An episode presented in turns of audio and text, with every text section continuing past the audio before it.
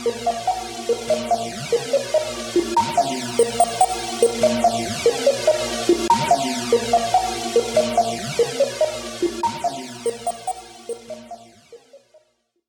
bij aflevering 12 van Moordzaken, de podcast. Dat gaat best snel, Carrie. 12 alweer. 12, ja, voor je het weet. Eh 12. En wat gaan we vandaag doen? We gaan vandaag behandelen de zaak Charlene. Daar hadden we nog wat discussie over, maar Carrie heeft hem gewonnen, de discussie. Ik dacht, ik gooi er maar in. Heel goed van je. Ja, de zaak Charlene, eh 8 juni 2015. Dus eh, we gaan even terug naar het weekend van eh, nou, zaterdag 6 juni. Daar wil ik eigenlijk even beginnen. 6 juni, namelijk 2015, was de begrafenis van Bo Biden. De 46-jarige zoon van de huidige president Joe Biden. Dat is lekker actueel. Ja, ja. Precies. Nou, die Bo Biden, die zoon, die overleed aan de gevolgen van een hersentumor. En eh, dat was voor Joe Biden niet het eerste zware verlies in de familie.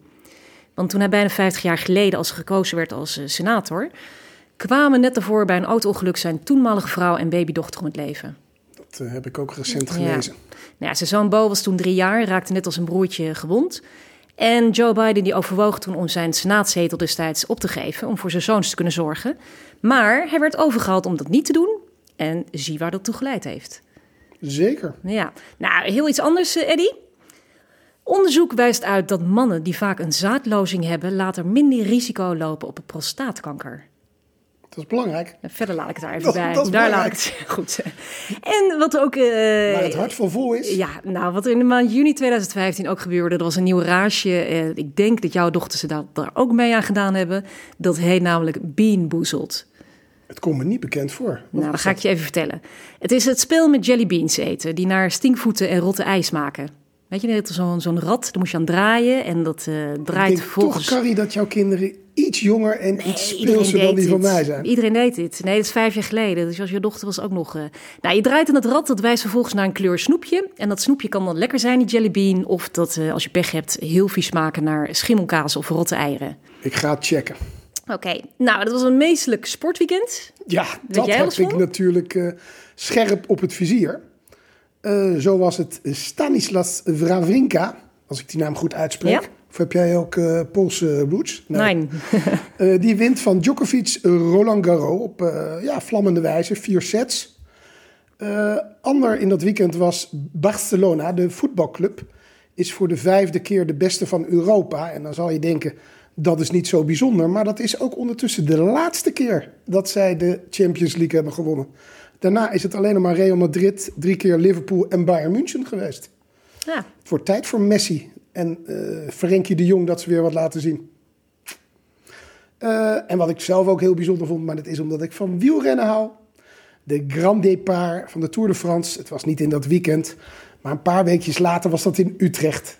En ik ben even gaan kijken. Nou, maar dan ben je nog niet helemaal volledig hè, voor het sportweekend. Nou, wat heb jij gevonden? Nou, kijk, dit is, echt weer de mannelijke input, ik hoor het al. Dat was namelijk de eerste wedstrijd van het Nederlandse vrouwenvoetbalelftal... dat op een WK gewonnen werd. Ja, Wist je dat niet? nee, dat heb ik wel gezien, maar dat vrouwenvoetbal, nee. dat doen ze best goed. Dat doen Nou, ze best Eddie. goed. Dat doen ze best nou, goed. jongens, voor Ik, je. ik kan ze dromen, die spelers. Oké, ze won in ieder geval van eh, Nieuw-Zeeland. Ja, maar ze werden de, de achtste finale werden ze door Japan uitgeschakeld. Goed, laten, laten we maar naar het weer gaan dan. Oké, het weer van maandag 8 juni 2015. Eh, matige wind uit het noordoosten. En dat benoem ik even, want dat is toch belangrijk voor deze zaak. Zeker. Met de temperatuur. een uh, ja, maximumtemperatuur iets onder de 19 graden, geen neerslag en een half bewolkte dag. En de top 40 lijst. Die werd deze week aangevoerd door Kenny B. Parijs. Praat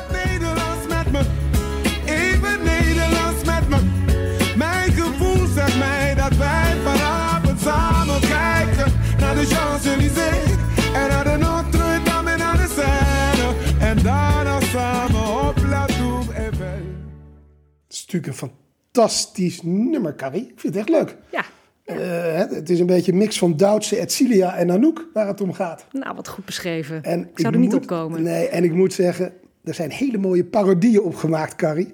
Waarvan Lul Haags met me echt de mooiste is. Ik zal hem je doorsturen. Laat, ze- dat is de hoek waar jij vandaan komt. eh, ja. Ja. Oké, nou maandag 8 juni 2015, of specifieker de nacht van zondag 7 op maandag 8 juni 2015. In Hogeveen, Drenthe, is afgelopen nacht een achtjarig meisje van een flat gesprongen of gevallen. Ze overleefden het niet. Het is wel duidelijk wat er precies is gebeurd. De politie ging naar de flat na een melding van een zelfdoding. Moeder is gearresteerd en meegenomen naar het bureau. Ja, dit was het fragment van het NOS-journaal van uh, maandag 8 juni uh, over de zaak Charlene. Want in de nacht van 7 op 8 juni 2015 wordt de achtjarige Charlene rond half twee s'nachts onderaan de flat de Arend in Hogeveen gevonden. Het meisje woont daar op de tiende verdieping samen met haar moeder. En het is een zaak die vanaf het begin veel nationale aandacht krijgt. Ja, de politie die tast in het duister over de vraag of dat meisje dus van die galerijflat gesprongen, gevallen of gegooid is. Dus ofwel uh, zelfmoord, een ongeluk of een misdrijf. En die moeder van Charlene die gedraagt zich meteen verdacht. Die zit uh, direct na die dramatische dood van haar dochter ook drie dagen vast. En uh, nou, ze laat weten dat ze eigenlijk tijdens die val van haar dochter lag te slapen. En ze beroept zich daarna direct op haar zwijgrecht. Nou, een dag later wordt door de burgemeester van Hoogveen bekendgemaakt dat het gezin al jaren bekend is bij jeugdzorg. En drie maanden na de dood van Charlene, dat is inmiddels september, seponeert het OM de zaak tegen die moeder wegens gebrek aan bewijs. En die moeder is dan niet langer verdachte. Ja, ik denk dat we even naar het plaatsdelict gaan. Hè? De... Toch een beetje veldwerk. Uh, Carrie, ben je wel eens in Hogeveen geweest? Ja. Nou, ik moet zeggen, ik niet. Maar ik ah. heb toch goed veldwerk gedaan. Um, ik ben namelijk wel eens langs gefietst. Dus niet met de auto. Dus niet via de A37, uh, dat is trouwens vanuit de Duitse kant, ja. Hogeveen ingereden. En dan zie je inderdaad de uh, flat De Arend, waar we het over hebben. En die flat is gebouwd in 1965. Het is inderdaad zo'n grijze kolos als je van een flat verwacht. Ik moet zeggen dat ik ook heel wat jaren in een flat gewoond heb. En die zien er toch allemaal een beetje hetzelfde uit. Deze flat heeft wel een groene koker aan de rechterkant. Dat is altijd de plek waar, het, waar de lift in zit. Trappenhuis. Onderin, en dat is bij iedere flat hetzelfde, zitten altijd kelderboxen. En zo'n flat was het. 11 verdiepingen, 35 meter hoog ongeveer. 99 appartementen. En uh, Carrie zei het al, op de tiende verdieping gebeurde er iets dramatisch. Nu ondertussen, en dat is een terugkerend iets, wordt ook deze flat wordt gesloopt. De woningbouwvereniging die heeft dat in, uh, vorig jaar besloten. Is al jaren sprake van dat ze iets met die flat willen. Vinden dat ingewikkeld. Is tussendoor wel eens een keer gerenoveerd. En nu is net uh, vorig jaar het definitieve besluit genomen om hem af te gaan breken. Dat gaat volgens mij in 2022 gebeuren. En dan komt dan mooie nieuwbouw terug. Ja. Waar de bewoners, ik denk dezelfde bewoners, weer een plekje in kunnen vinden. Dat is het idee. Ja, het is een beetje een, een uh, dat las ik dan, een come-and-go flat. Hè? Zo noemen de bewoners het. Ja, en, Veel tijdelijke bewoners. Uh. En, en de flat, ik bedoel, er is een onderzoek gedaan naar uh, hoe leefbaar het daar was en hoe leuk en aardig. Maar ik zag bijvoorbeeld, en dat zal Carrie ook wel gezien hebben, dat er in mei 2019 ook nog iemand zelfmoord heeft gepleegd van ja. die flat. Dus die flat heeft niet de beste vibes. Nee, nou Charlene en haar moeder die wonen daar sinds juni 2012. Nadat uh, een jaar daarvoor eigenlijk de relatie tussen de moeder, uh, ze heet Helene, en de vader van Charlene, Victor, werd verbroken. Dus uh, ze zaten daar met z'n tweeën in die, in die flat. En nou, wat gebeurde eigenlijk deze nacht? Die nacht van 8 juni. Nou, een bewoner van de flat in Hoogveen, die hoort in die nacht een doffe klap. Het is zo'n geluid alsof er een vuilniszak naar beneden wordt gegooid. als hij naar buiten gaat vanaf die galerij en hij kijkt naar beneden, dan ziet hij beneden iets liggen, een meisje in een pyjamaatje. Misschien even zeggen op welke verdieping hij woonde? Hij zat op de tweede verdieping. En terwijl hij naar beneden, dus naar dat meisje toe rent, belt die man meteen 112. Het is dan uh, 23 over 1 s'nachts als zijn telefoontje bij de meldkamer binnenkomt. Er is dus, ook nog een buurman, is ook, ook een andere buurman. Klopt, ja. Die komt ook op het geluid van die doffe klap naar buiten. En uh, nou, Charlene heeft dan een val van meer dan 30 meter gemaakt. De politie en ambulance zijn snel onderweg. Hè. Die zijn er 13 minuten later, 6 over half 2. En dan wordt ook door die ambulanceverpleegkundige geconstateerd dat het uh, meisje is overleden. Maar ook op diezelfde tijd, 6 over half 2 s'nachts, loopt dan een 35-jarige vrouw door de hoofduitgang van het flatgebouwde Arend naar buiten. Heel blote voeten, beetje, beetje zwalkend. En die loopt dan richting haar auto. Ja, en je moet ook nog even zeggen, Carrie. Die, die, die buurman die daar beneden stond, die heeft naar boven gekeken. En heeft daar ook het gezicht gezien. Ja, dat doe ik van... zo meteen. Want we hebben zo meteen de verklaring ja. nog van de getuige. Dus als ik dat even uitgebreid nog vertellen. Komt helemaal uh, goed. Ja. Nou ja, is, uh, op de parkeerplaats, dus iets verderop, ligt dus het lichaam van haar dochter. Dit gaat om haar moeder namelijk. Die een kwartier eerder van de tiende verdieping van de flat is gevallen en is overleden. En tot een stomme verbazing ontdekken die twee buurmannen dus, die Charlene hebben gevonden, hoe die moeder dus haar dode dochter eigenlijk negeert en richting haar auto wankelt. Ja, dus er gaat eigenlijk de uitgang van de flat en dan gaat ze naar links. Terwijl als ze naar rechts gegaan was, was ze richting de Ja, is- dochter gelopen. Dus ze loopt eigenlijk niet naar de kind toe, maar er vanaf. Heel bizar eigenlijk, ja. Ja, die politie arriveert ook bij de flat. En eh, die agenten vinden inderdaad dus die vrouw lopend uit de flat richting haar auto. Eh, die constateren ook dat ze verdwaasd uit de ogen kijkt. Eh, ze ruikt naar alcohol. En in haar broekband zitten twee flesjes bier verstopt. Ze had sigaretten uit de auto willen halen, vertelt ze dan. Hè? Dus die vrouw, die Helene heet, blijkt inderdaad dus de moeder van het meisje Charlene te zijn. En ze wordt op dat moment aangehouden op verdenking van betrokkenheid bij de dood van haar dochter. Nou, die getuigen die hadden we al benoemd. Hè? Dus twee getuigen, twee flatbewoners eh, die op de tweede verdieping wonen. Eh, ja, die eerste die had dat bewuste telefoontje naar de meldkamer eh, gepleegd en die verklaart het volgende. Hij logeerde in de woning van zijn moeder op de tweede etage en rond 1 uur s'nachts is hij wakker geworden. Hij heeft even een sigaretje opgestoken en is weer op bed gaan liggen. En op een gegeven moment, zo rond kwart over één, tien voor half twee, hoort hij dus een raar geluid dat hem doet denken aan een vuilniszak. Nou, hij kon het geluid echter niet plaatsen. Ehm, kreeg wel de indruk dat het niet helemaal oké was. En hij is buiten even gaan kijken en ziet beneden dus iemand liggen. Die andere buurman die stond dus ook al buiten. En die hebben ook even met elkaar ge- gepraat. Hè, van, heb je ook iets gehoord? Eh, vervolgens is hij naar beneden gegaan. En eh, nou dat gesprek met 1 en 2 duurde bijna drie minuten. Vond ik vrij lang. eh. Ja, ik denk, je blijft aan de telefoon. Hè? Dus je Terwijl loopt je naar beneden loopt, terwijl je belt. Ja, dat zou me ehm, kunnen. Ontferm je over haar en, en leg je natuurlijk uit aan de meldkamer wat er precies eh, aan de hand is. Ehm, nou ja, die getuige verklaart inderdaad wat je net al zei, dat ze, hij, terwijl hij aan het bellen was, eh, omhoog keek en hij zag daar iemand kijken, hè? dus een, een persoon, een vrouw. Die keek terug en was meteen weer weg. Dus die getuige die beschrijft het ook als een heen en weergaande beweging, een soort schrikreactie. En hij dacht nog op dat moment, straks springt ze erachteraan. Ja, want hij gaat dan op straat ook iets van het meisje afstaan. Zo'n Precies. 15 meter verder meer de straat op. Ja. Ehm, Ja, Ondertussen zijn alle hulptroepen natuurlijk eh, aanwezig. ja, nou, eh, misschien ook nog even goed te zeggen wat die getuige zegt, want dat is natuurlijk ook heel eh, vreemd. Hè? Want ehm, ze zien die vrouw op die galerij, dan vervolgens zien ze haar in de richting van het trappenhuis met ferme stappen lopen. En vervolgens eh, zag hij dat de vrouw naar de tweede verdieping ging. En daar gaat ze ergens naar binnen. Ja, we weten En nu dat ze huis 10, nummer 20 12. seconden later weer naar buiten. Ja, Nummer 12 blijkt bij een eh, vriend in de flat te zijn. ja. Nou, dat is natuurlijk eigenlijk allemaal eh, heel raar. Hè? En vooral die getuigen die willen natuurlijk die vrouw opvangen als ze uit die hoofduitgang naar buiten komt lopen. Je wil haar beschermen voor de trauma dat zojuist heeft plaatsgevonden. Maar die vrouw die loopt dus gewoon de andere richting uit. Ja, bos sleutels in de hand. Gaat richting de bestuurdersportier van de eigen auto. Geeft ook aan van, eh, ik wil graag een sigaret. Ik vond het nog wel bijzonder, Carrie, dat ze die sigaret aangereikt krijgt door een agent. Die haalt dat pakje uit haar handschoenenkastje. Ja, het is wel heel sympathiek. Maar heeft ook iets bizars, toch? De agent. Ja. Maar ja, die denkt ook, het is natuurlijk een vrouw wiens kind daar waarschijnlijk op de grond Nou, ligt. en ik Dus- denk ook, je ziet de paniek in haar ogen. Hè? Dus je wil het eerste wat je wil is haar eh, geruststellen. Is Ja. haar toch, eh, Ze had wel direct ook een aansteker bij zich. ja, Dus peukje wordt opgestoken. twee flesjes bier inderdaad in de broekband. Nou ja, ze is op dat moment ook gekleed in een rode broek en een zwart hemdje. Ehm, dat zeg ik even expliciet, hè, want eh, ze sliep in haar onderbroek. Ja, Begreep nou, later zat dus. een, een rode joggingbroek aangetrokken, begreep ik. Ja, dus ze heeft nog even haar kleren aangetrokken boven, voordat ze naar beneden ging. Ja. Ja, nou ja. Ze ehm, verklaart ook direct wat dingen. Ze verklaart ook van alles, ja. ja.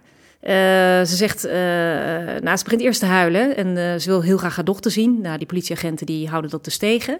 En dan zegt ze uit eigen beweging dat ze die middag ruzie heeft gehad met haar dochter en dat haar dochter gezegd had dat ze haar haatte. Ja, en ook dat de ouders op bezoek zijn geweest. Dat die die ruzie ook een beetje hebben meegekregen. Ze vertelt ook volgens mij dat ze bier gedronken heeft, voor zover dat al niet duidelijk was voor de agenten, want ze stonk naar drank. En dan begint ze, en dat is denk ik wel een belangrijk detail, over een afscheidsbriefje. Wat ze heeft zien liggen op de kamer van Charlene met de woorden erop, ik haat je. Ja, nou, precies, dat heeft ze even verklaard daar bij die auto. Ze is dan rond tien voor twee is ze s'nachts aangehouden, meegenomen naar het bureau. En uit bloedonderzoek, eh, dat hebben ze half vijf hebben ze dat afgenomen. Dan is met teruggerekend naar het tijdstip eh, van de eerste melding om zeven half twee. Hebben ze een alcoholpromillage tussen de twee... 2 en 2,5. Ja, dus Dat ze had fors. genoeg, genoeg gedronken. Dat is fors. Ja. Nou, die, de moeder gedraagt zich dus uiterst merkwaardig. En eh, zelfs zegt ze dan over die dag dat ze na het eten, dus op die zondagavond, samen met Charlene alleen thuis was. Ze heeft haar rond acht uur naar bed gebracht. En later op die avond, dan rond half tien, tien uur, heeft zij, eh, dat doet ze altijd, even Charlene uit de bed gehaald om haar even te laten plassen. Rond middernacht is Helene zelf gaan eh, slapen, gekleed in dat hemdje en die onderbroek. Maar eh, ze is niet lang daarna wakker geworden door een koude tocht in haar slaapkamer. Ja, dat is wat ze zelf in ieder geval aangeeft. En ehm, ja, Ja, ze gaat eh, in een woning op zoek hè, naar de oorzaak van die tocht. ze gaan kijken wat er open staat. Nou, wat zien ze uiteindelijk? Want ze doen natuurlijk direct wat onderzoek. Nou, dat ze- het raam van de kamer van Charlene open staat. En je moet je voorstellen, haar kamer zit aan de galerijkant. ja. Dus je hebt een vrij lange galerij. Dit, eh, deze woning bevindt zich een beetje aan het eind van die galerij. Ik denk eh één na laatste, twee na laatste woning aan die galerij. En alle slaapkamers zitten aan de galerijkant. En vandaar ook, denk ik, de reden wat, eh wat Carrie eerder zei... dat sommige mensen die slapen dat kunnen horen aan die kant. Ja, en eh, nou ja, wat, wat gebeurt inderdaad? Ze, wordt wakker van die tocht. En ze komt eigenlijk tot die gruwelijke ontdekking dat, eh, dat haar dochter dus niet in haar bed ligt. Hè? Nou, sterker nog, eigenlijk helemaal niet in die woning aanwezig is. Wel dat het raam dus inderdaad van Charlene open staat. En nou, ze gaat op zoek. Vervolgens is ze naar buiten gegaan, is gaan kijken op die galerijgang. Ook de dochter niet te vinden. En Helene die weet dan nog dat ze over die balustrade keek... en dat ze haar dochter beneden op de stoep zag liggen.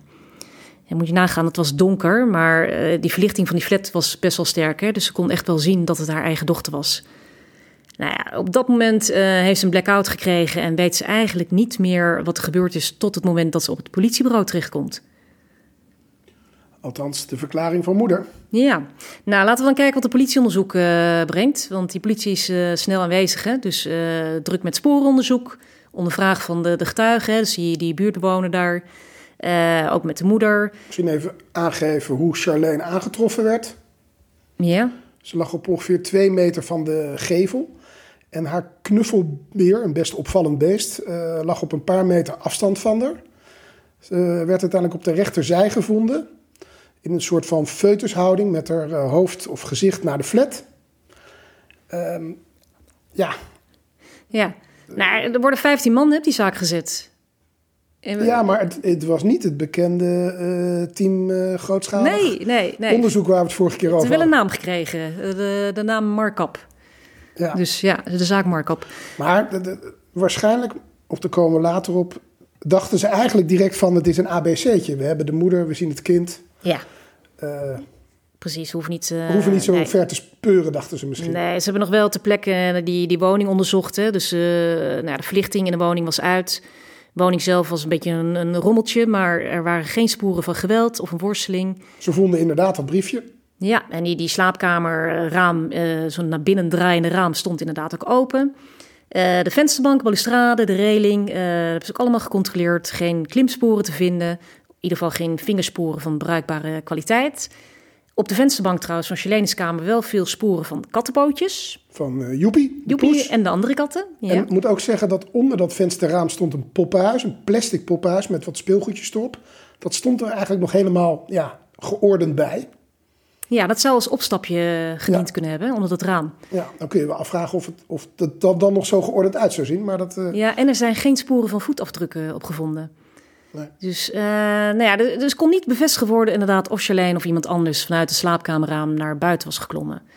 Nou, en dan buiten die galerij is misschien ook even goed om te omschrijven. Hè. Dat is een, een, een balustrade van, eh, van metaal. Nou, je weet wel een beetje hoe dat eruit ziet. Hè. met Het die is, spijlen. ja, het is 1,5 meter vijf hoog uh, met zo'n horizontale buis. En, en daarna onder 20 centimeter van de grond. En dan van die spijlen met 11 centimeter ertussen.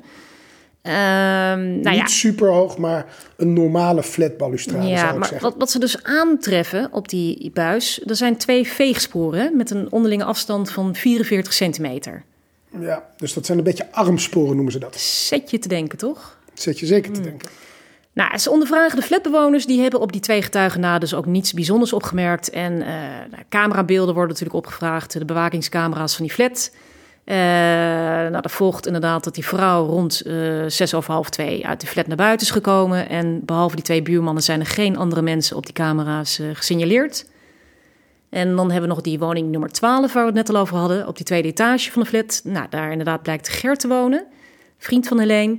En die was in de nacht van 7 op 8 juni niet thuis. Nee. Maar Helene, de moeder, heeft een sleutel daarvan. Dus die heeft daar gewoon toegang tot. Ja. En Het, eh, het lijkt in ieder geval alsof ze daar de bierflesjes heeft weggehaald. Zijn ijskast was leeg toen hij weer thuis kwam. Precies. Eh, nou, het sectierapport dan. Want er is natuurlijk ook sectie verricht hè, op het, eh, ja, door de forensisch patholoog uh, Zoujbali Maikou. Ik hoop dat ik dit goed uitspreek. Dat laat ik voor rekening van Carrie. Ja, ze is in ieder geval werkzaam bij het NFI, bij het Nederlands Forensisch Instituut. En zij is gespecialiseerd in het verrichten van sectie bij minderjarigen. Dat sectierapport, ja, zij heeft daar geconcludeerd dat er sprake is van letsels die bij leven zijn ontstaan. Dus dat zou kunnen zijn ontstaan door een val van grote hoogte. Maar er zijn ook bloeduitstortingen uitwendig en inwendig in de hals en puntvormige bloeduitstorting in, uh, in het rechte oog. En daardoor zegt ze kan verwurging niet worden uitgesloten, al heeft dit niet tot de dood geleid. Ja, die puntvormige bloedingjes in ogen, dat hebben we vaker gezien. Dat zou een teken van verwurging kunnen zijn. Aan de andere kant, ze hebben het hier ook over. Het is natuurlijk een hoog energetisch trauma. Hè? Iemand valt van een enorme hoogte. Ik denk nog wel even belangrijk om te melden dat er geen geschreeuw gehoord is. Ook, uh, je zou kunnen voorstellen dat een kind doodsbang is, uh, op welk moment dan ook, en zou gaan huilen. Is allemaal niet gehoord. Maar uiteindelijk inderdaad uh, afdrukken van vingers, wurgsporen, bloeduitstorting. Dat wordt in ieder geval geconstateerd. Ja, alleen is geen concreet bewijs. Nee, nee. Heel veel verwondingen, breuken, wat eigenlijk hoort bij zo'n val van grote hoogte. Uh, je moet je trouwens bedenken dat zo'n val duurt 2,5, 2,6 seconden. Het meisje van een jaar of acht schijnt ongeveer 25 kilo te wegen. Allemaal onderzocht. Ja, zelfs iets zwaarder, zoals ja. groot, groot gebouwd. Ja. Maar goed, dat zal niet heel veel, zal niet veel uh, dat uh, scheelt niet. Nee, de moeder wordt in ieder geval na drie dagen weer vrijgelaten. Ze blijft wel verdachte, maar uh, nou, ze blijft erbij dat die val val van Charlene, in ieder geval dat daarna bij haar alles zwart is geworden. Dus een blackout. Ja, ze, ze blijft gewoon alle betrokkenheid ontkennen. Ze, ze vertelt natuurlijk nog wel ietsje meer over, over die dag daarvoor, hoe het met Charlene ging en waarom ze ruzie hadden. Het ging om barbecuen bij uh, ouders van een vriendinnetje. En dat ze echt even elkaar boos waren. En dat Charlene ook tegen haar had gezegd: uh, Ik haat je. en voor de rest dat ze in slaap was gevallen en alles, alles daarna. Ja, en, en ze zwijgt hè, verder. Op het ja. aanraden natuurlijk van haar advocaat. Ja. Dus is eigenlijk weer vrij, maar... Um, ja, na drie dagen alweer vrij. Ja. Dat is snel, toch, Carrie? Ja, maar ze blijft wel verdacht, hè. Want wat gebeurt er? Die woning van haar en van haar ouders, van opa en oma... dus en haar auto worden afgeluisterd. Van pijlbaken bij de auto. Dus uh, opsporingsmethoden die normaal niet zijn toegestaan... maar dus wel uh, met toestemming van de recht, rechtercommissaris... Maar dat, dat zwijgen, hè? ze zwijgt dus. Waarom zou ze zwijgen? Ik bedoel, wat is daar nou voordelen gaan? Ik zou denken, dat laat toch alleen maar meer de verdenking op je? Dat zou ik ook denken dat dat uh, niet helpt. Maar ja, uiteindelijk is het natuurlijk uh, niet verboden om te zwijgen. En zij, zij doet net alsof het toch een beetje traumatisch is... en dat ze daardoor eigenlijk niks meer weet... en een soort van zwart gat, blackout heeft gehad. Ja, ik, ik had zelf ook gevonden inderdaad dat ze zei van ik was helemaal van de wereld en alles wat ik zou hebben gezegd had later tegen me gebruikt kunnen worden. Ik wil best mijn verhaal doen, maar dan kunnen ze woorden of zinnen uitpikken en dan wordt zo gedraaid dat het tegen je wordt gebruikt. Nou, misschien wat ook nog wel belangrijk is, is Carrie, zij zat natuurlijk in een hele moeilijke situatie. En misschien komen we nu ook een beetje op de gezinssituatie. En wat voor vrouw was het? Waar, wat speelde er allemaal? Er speelde natuurlijk heel veel. Ja, nee, klopt. Speelt heel veel. Nee, want die, die, die oma, hè, de moeder is namelijk ook nog, die heeft ook even een verklaring afgelegd. En die, uh, nou, die vertelt ook even over die dag, van die is ook langs geweest. Uh, maar die zegt dan ook in die verklaring dat Helene drie weken overspannen thuis is geweest. En ze zouden dus op maandag 8 juni weer uh, aan het werk gaan. Ze werkt bij een incassobureau. Ja, dus die oma die verklaart ook, die zegt zelf van ja, het ging niet goed met haar. Ze had problemen met jeugdzorg, met, haar, met de vader van Charlene, over die omgangsregeling, over de alimentatie. En blijkbaar hebben zij nog om acht uur s'avonds gebeld. En uh, volgens die oma was hij was redelijk over haar toeren. Dus ja, die gezinssituatie, je, je had het al aan. Nou, die Victor en Helene, Victor is de, de vader van Charlene. Die uh, ouders die uh, hebben elkaar leren kennen via internet. Dat gebeurt vaker tegenwoordig, Karin. Ja, dat kan dat, gewoon. Ja, heel leuk zelfs, ja. ja. Maar in dit geval was geloof ik, ze leerden elkaar 2006 kennen. En binnen no time was Helene zwanger. Daar werd de vader Victor een tikkie door verrast. Misschien straks nog even terugkomen op de vader. Ja. Uh, 15 mei 2007 werd Charlene geboren. Uh, en al snel daarna had de moeder een nieuwe vriend. Er was veel ruzie. Ja, dan moet je ook nadenken. Victor die woonde in Ede. hè. Die had daar gewoon een baan. Dus die heeft alles opgegeven om vanuit Ede dus eh, bij zijn toekomstige gezin te gaan wonen. En ja, die, vader, die vader Victor die zegt ook na, na de bevalling voor Helene... eh, gaat Helene steeds meer drinken. Daarvoor was ze eigenlijk was het een hele leuke vrouw. Maar eh, ze gaat volledig aan alcohol na die bevalling. En ehm, Hij nou, komt er ook na vier jaar achter, en dat is wel een detail, dat hij eh, niet de biologische vader is. ja, hij heeft een DNA-test gedaan. Ja. Ja, voelde hij zich niet goed bij toen hij dat deed, maar hij wilde het toch doen en kwam uiteindelijk eh, erachter dat hij niet de vader was. Ja, dan kun je twee dingen doen. Hè? Hij heeft er echt voor gekozen dat het zijn dochter is. En zijn dochter is gebleven, want hij wilde eigenlijk niets liever dan vader worden. Ja, nee, ik denk dat hij zich daar heel goed in heeft opgesteld. Ja, het enige, het enige wat hij niet gedaan heeft, is eh, het gezag regelen. Dat bleek, Minor achteraf, detail, bleek ja. achteraf lastig te zijn. Nou ja, vanaf vijf jaar gaan ze uit elkaar. En eh, nou, de rechter heeft dan een omgangsregeling eh, bepaald. Hè? Dus de moeder die kreeg Charlene door de week. En de vader één weekend per twee weken. En de vakantie zouden ze delen. En ze was overdag dus veel bij eh, opa en oma, dus de ouders van Helene.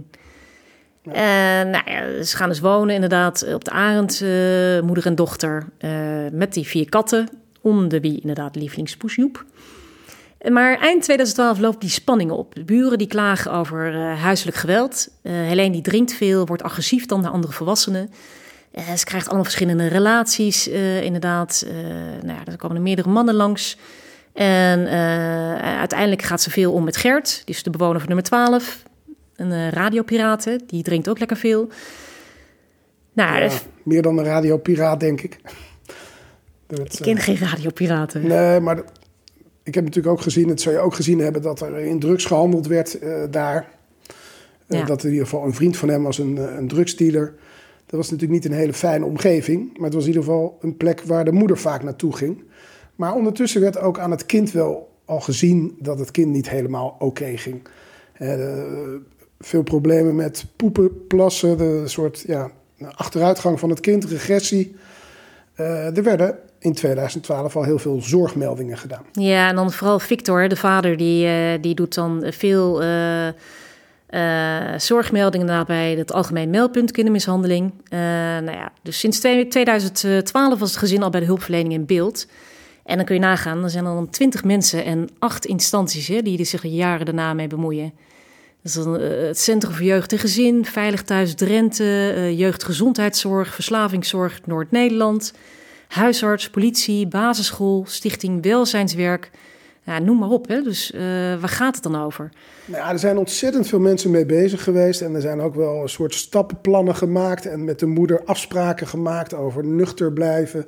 Ja, want misschien ook wel vertellen, wat, wat is er nou exact aan de hand daar? Dus eh, het gaat inderdaad in eerste instantie over die drankmisbruik door de moeder. Eh, en een keer geweld hè, tussen die ouders, maar ook dus geweld in die flatwoning. Eh ruzie over omgangsregelingen, die inderdaad, wat jij zei, die zinnelijkheidsproblemen. Eh, en zelfs vermoedens van seksueel misbruik. Ja, en dat kind werd natuurlijk gewoon af en toe bij die buurman van de tweede verdieping achtergelaten. Is natuurlijk ook is toch een hele rare setting. Ja, wat daarbij meespeelt, is dat aan de buitenkant leek het prima te gaan hè, Charlene. Ja, volgens mij ook op school leek het goed te gaan. Ze werd gezien als een vrolijk kind en ze kon gewoon goed meekomen.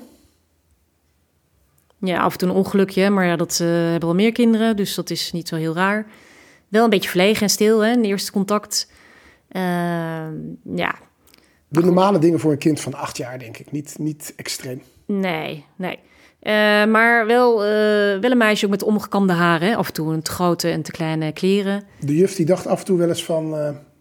ik zou even de haren willen wassen, bij wijze van spreken. Ja, ja, Nou, waarschijnlijk dus niet te veel zorg van de moeder. Die, eh, dat wisten de buurtbewoners ook, dat ze een drankprobleem had. Eh dus Charlene is ook vaak met haar moeder dan te vinden bij die eh, vieze woning van Gert op nummer 12. Ja, nou, dat, dat is natuurlijk heel apart. Dat is een kerels die daar wonen in een vreselijk vieze plek. Heb ik in ieder geval een van de huisgenoten horen vertellen. Die overigens drugsdealer was. Dus de hele setting daar, dat zijn een paar kerels... die volgens mij de hele dag een beetje op de bank hangen en eh, een beetje roken. Dat is in ieder geval niet een hele fijne omgeving voor zo'n jong kind. En dan op een gegeven moment is het zelfs zo dat zij had de sleutel daarvan, de moeder... Uh, en ze haalden daar dus ook vaker wel uh, biertjes of spulletjes.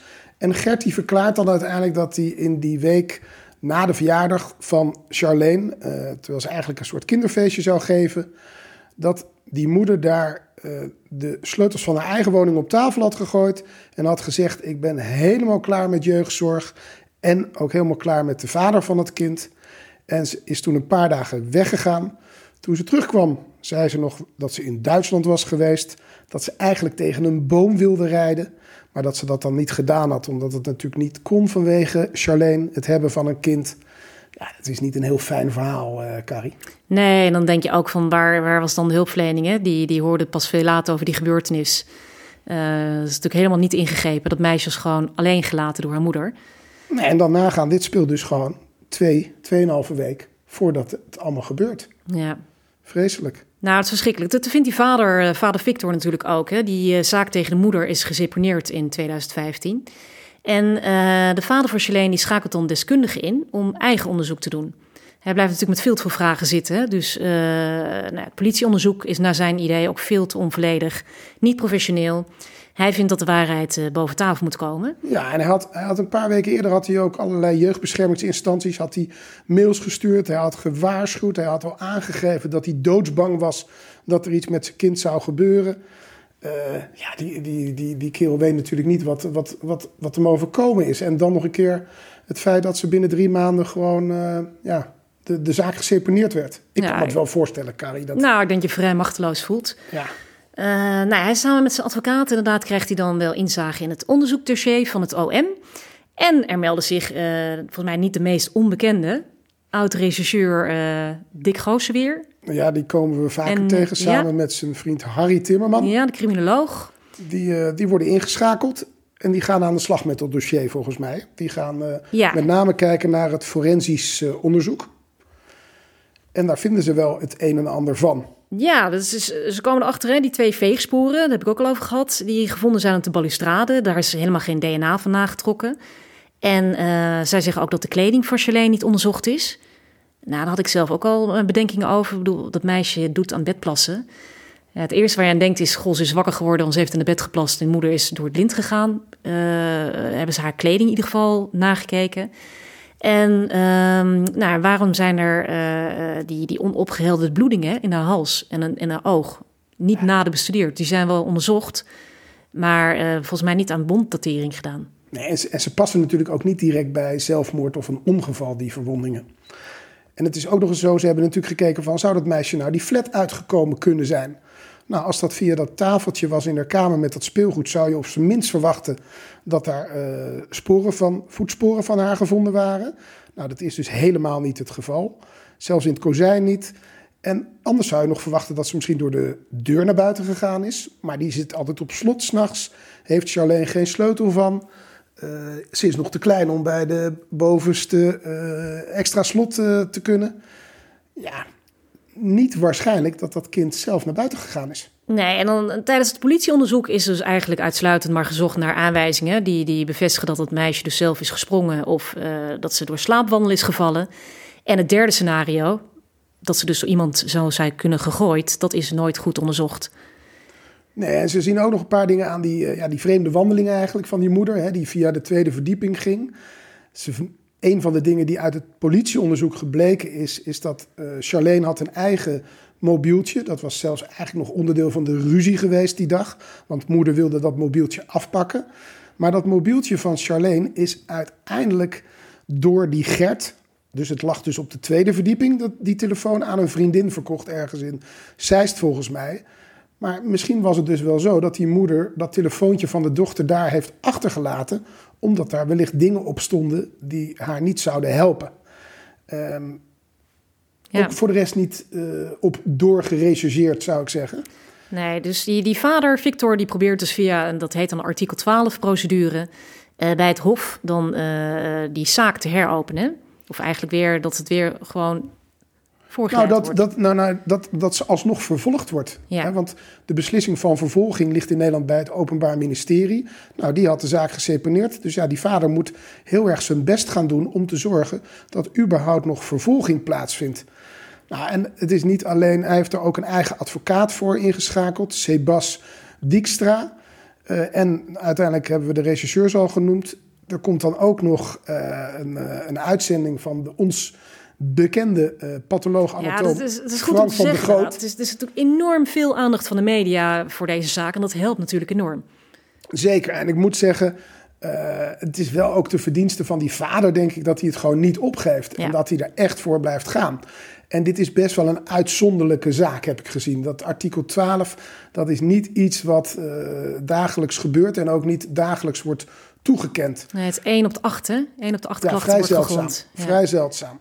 Nou, dan komt Frank van der Goot. Nou ja, uh, als jullie goed opgelet hebben, hebben jullie hem al eerder gehoord. Bijvoorbeeld in onze balpenmoord. Hij heeft het programma Doden Liegen Niet.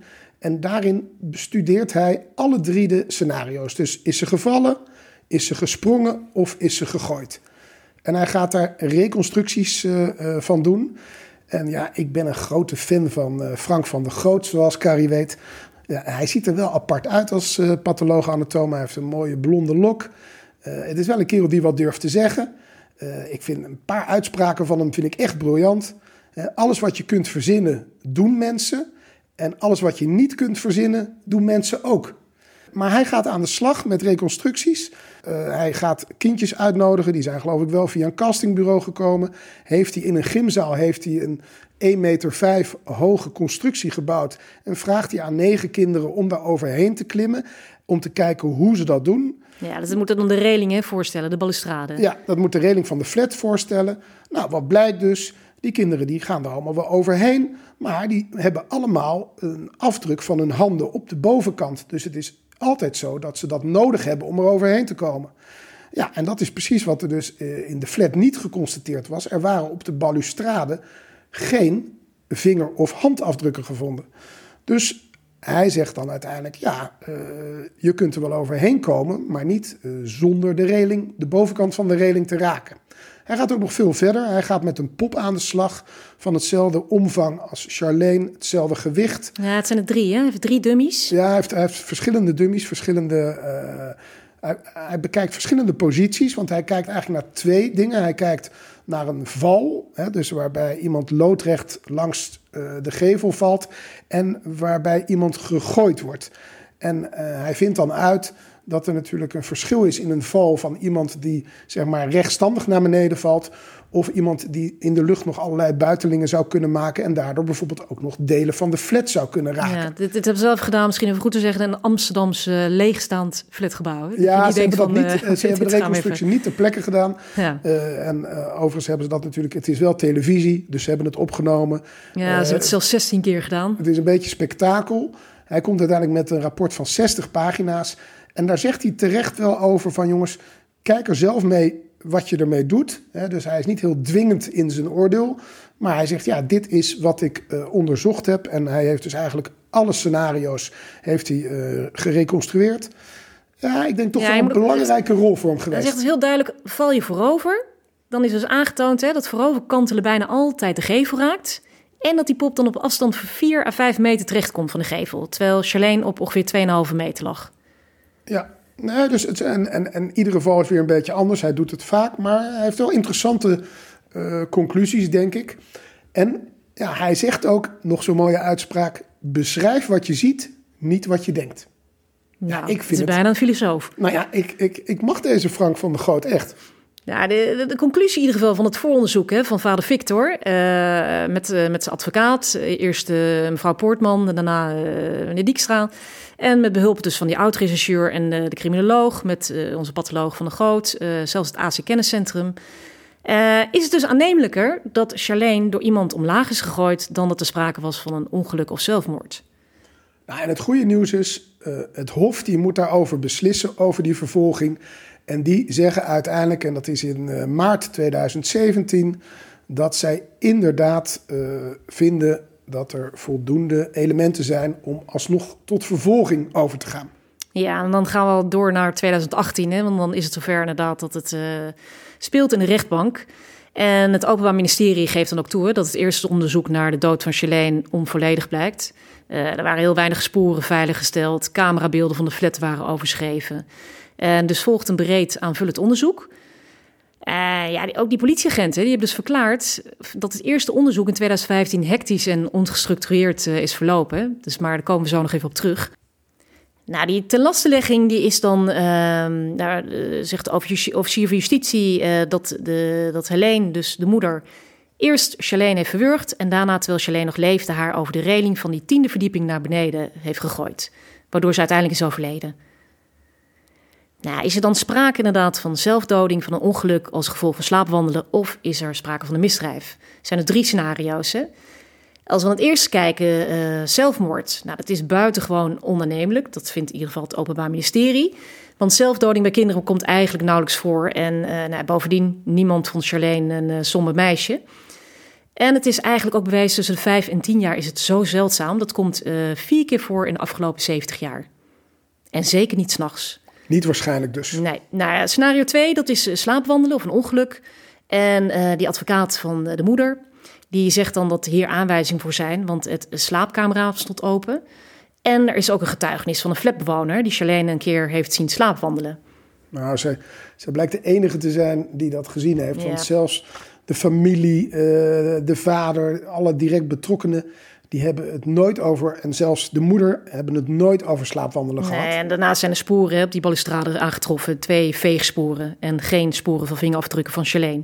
Dus ook het slaapwandelen is zeer onwaarschijnlijk. Nou, dan blijft alleen optie 3 open. Dat is, eh, is het misdrijf. Eh, nou, laten we dan even kijken wat eh, de forensische artsen hebben gevonden. Die haar verwondingen onderzocht hebben. We hebben de eerste hebben we al eerder genoemd. Dat is degene die de sectie heeft verricht. En eh, die zegt dus dat de letsels eh, door een val van grote hoogte kunnen zijn ontstaan. Eh, wel bij leven opgelopen. Maar die hoeven dus niet te duiden op verwurgingen. Die kunnen ook veroorzaakt zijn door de val. En ze zegt, was inderdaad nog in leven tijdens die val. Nou, dat is, tijdens de rechtszaak zijn er nog twee deskundigen bijgehaald. Dat is onder andere een, forensisch arts uit Leuven, de heer Rijken. En die zegt eigenlijk dat die puntbloedingen in ogen niet door de val, maar voor de val zijn veroorzaakt. Dus die duiden wel op verwurging. Hij is de enige eigenlijk die zegt dat verwurging wel eh, waarschijnlijk geweest is. Ja, want ook de derde, eh, professor Dr. Bela Kubat, eh, zeer deskundig ook, een ervaren forensisch patholoog van het NFI. Ook zij heeft verklaard dat Charlene leefde op het moment van het neerkomen op de grond. Maar ook zij komt eigenlijk tot de conclusie eh, dat al die verwondingen, dat er niet van kan worden gezegd dat het uitsluitend door verwurging is, eh, is veroorzaakt. Maar het blijft bijzonder. Het zijn deskundigen die eigenlijk allemaal van dezelfde instantie komen. En die het toch niet met elkaar eens zijn. Er wordt trouwens nog even gediscussieerd onderling over de deskundigheid. Eh, we zullen niet te veel in detail op ingaan. Maar het blijft toch wel bijzonder, Carrie, dat het best wel vaak gebeurt, zoals we nu al eh, bij alle zaken gezien hebben, waarbij deskundigen betrokken worden, dat er toch best wel vaak twijfel is Ja, over de Ik deskundigheid. kan het nooit echt vaststellen.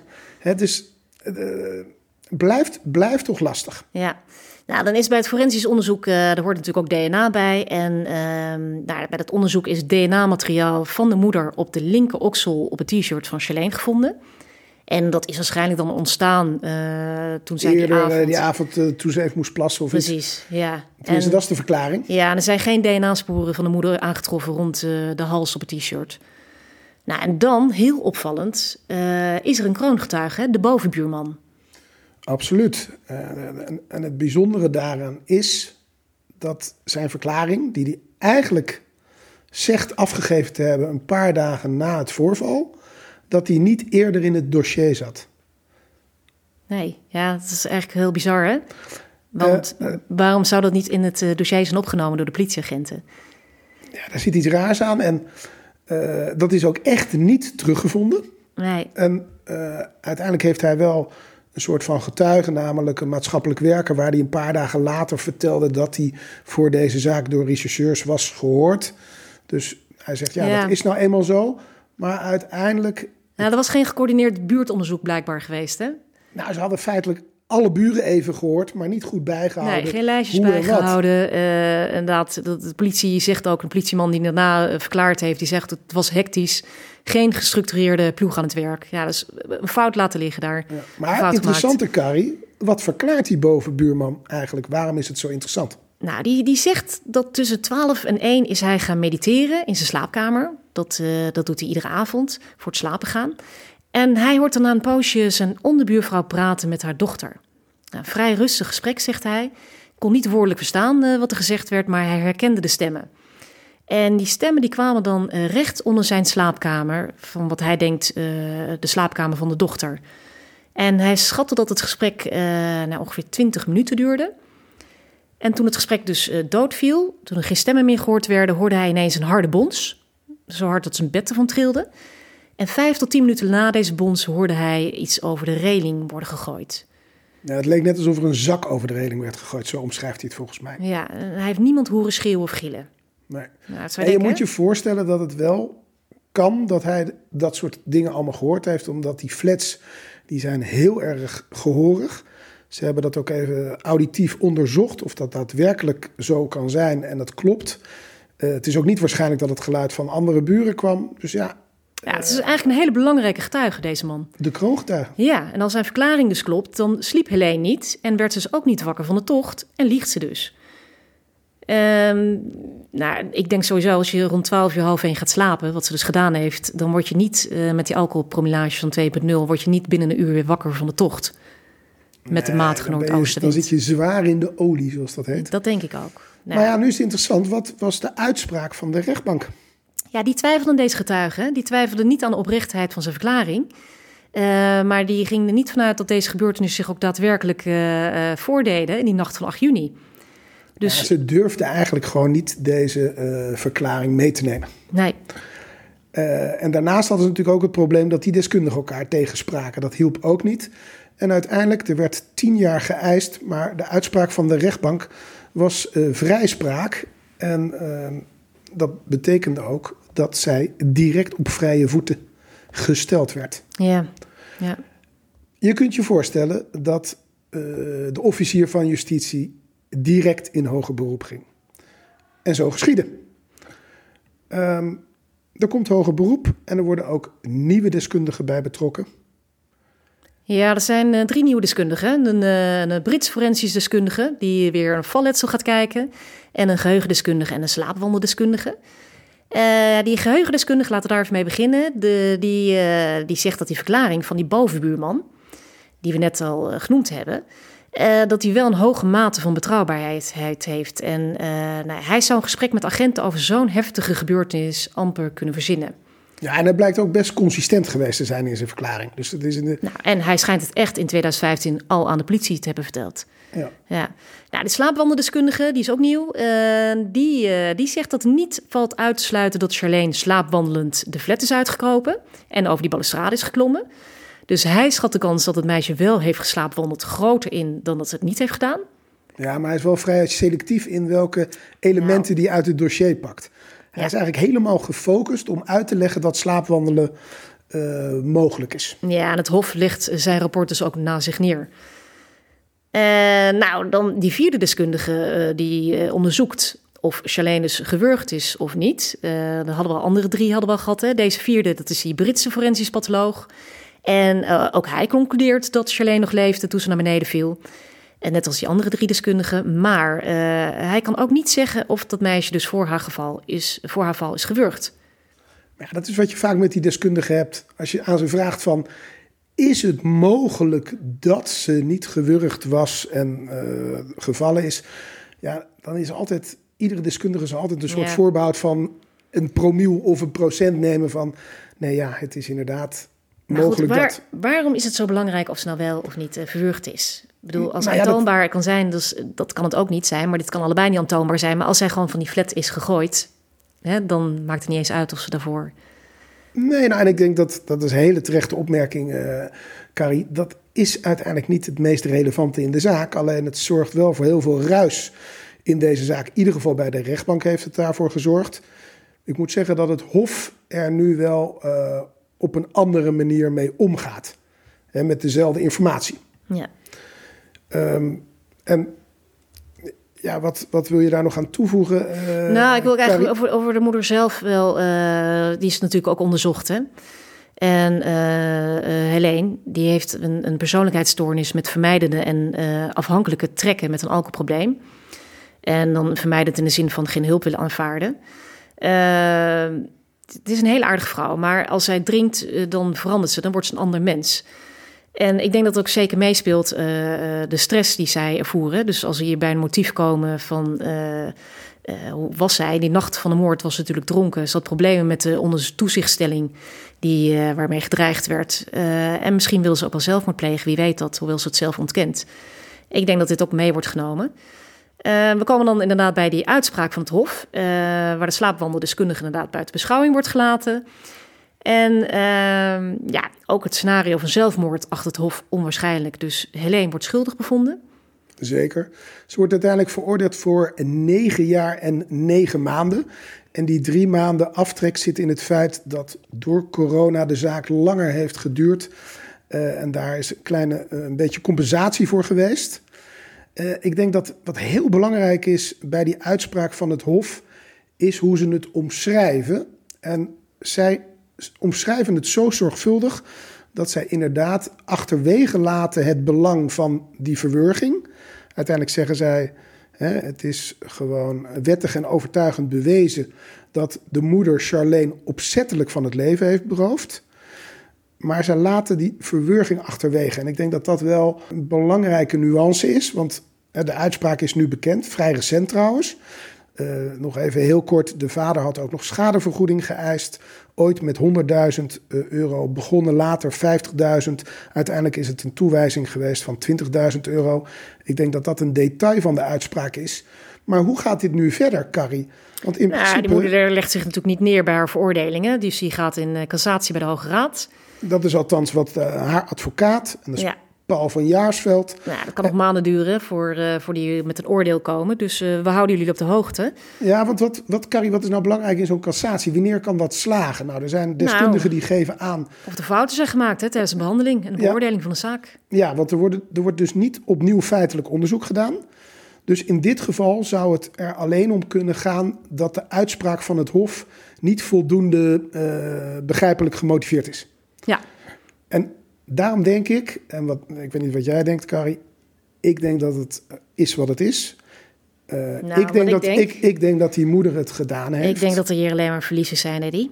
Ja, het is, het is natuurlijk enorm verdrietig. Nou, maar ik, ik ben er wel van overtuigd dat die moeder het gedaan heeft. Ja, ik ben zelf ook van overtuigd mocht van die zij het gedaan hebben, Mocht zij het gedaan hebben, inderdaad, uh, dan zal dit waarschijnlijk in nuchtere toestand, denk ik, en in een situatie zonder stress nooit haar bedoeling zijn geweest. Een moeder die eigenlijk door, door haar drangmisbruik uh, volstrekt incapabel was uh, als verantwoordelijke ouder. Met de omgeving die eigenlijk niet of te laten ingreep. Hè, met zorginstanties die niet naar het meisje keken. Veel te veel oog hadden voor uh, de problematiek van de ouders. Een vader die in beginsel een schadevergoeding van een ton eist. En wel door toedoen eigenlijk van, van zijn inspanning die zaak weer aanzwengelt. Waar het ja, OM... die, die, vader, die vader zegt ook, ik ben opgelucht. Maar hij ja. zegt ook, blijdschap is natuurlijk niet het juiste woord. Maar hij is in ieder geval voor zijn dochter opgekomen. Nou, het OM die in 2015 die boel volledig verzaakt had. Uh, een, een, grootouder, een oma, die opa is trouwens overleden in de tussentijd. Die, die oma die waarschijnlijk de hand boven het hoofd van de dochter houdt. In de hoop ook haar niet kwijt te raken. Moet ook een duivels dilemma zijn. En dan Charlene zelf, hè, meisje dat nooit ouder dan acht jaar is geworden. Laten we hopen dat het een les is, ook voor alle instanties, om toch heel erg aandachtig te zijn voor dit soort situaties en de eventuele gevolgen. Uh, een vreselijke zaak. Willen jullie nog er meer van weten en met name beeld en verwijzingen? Volg ons dan op Instagram of Twitter. Moordzaken, de podcast.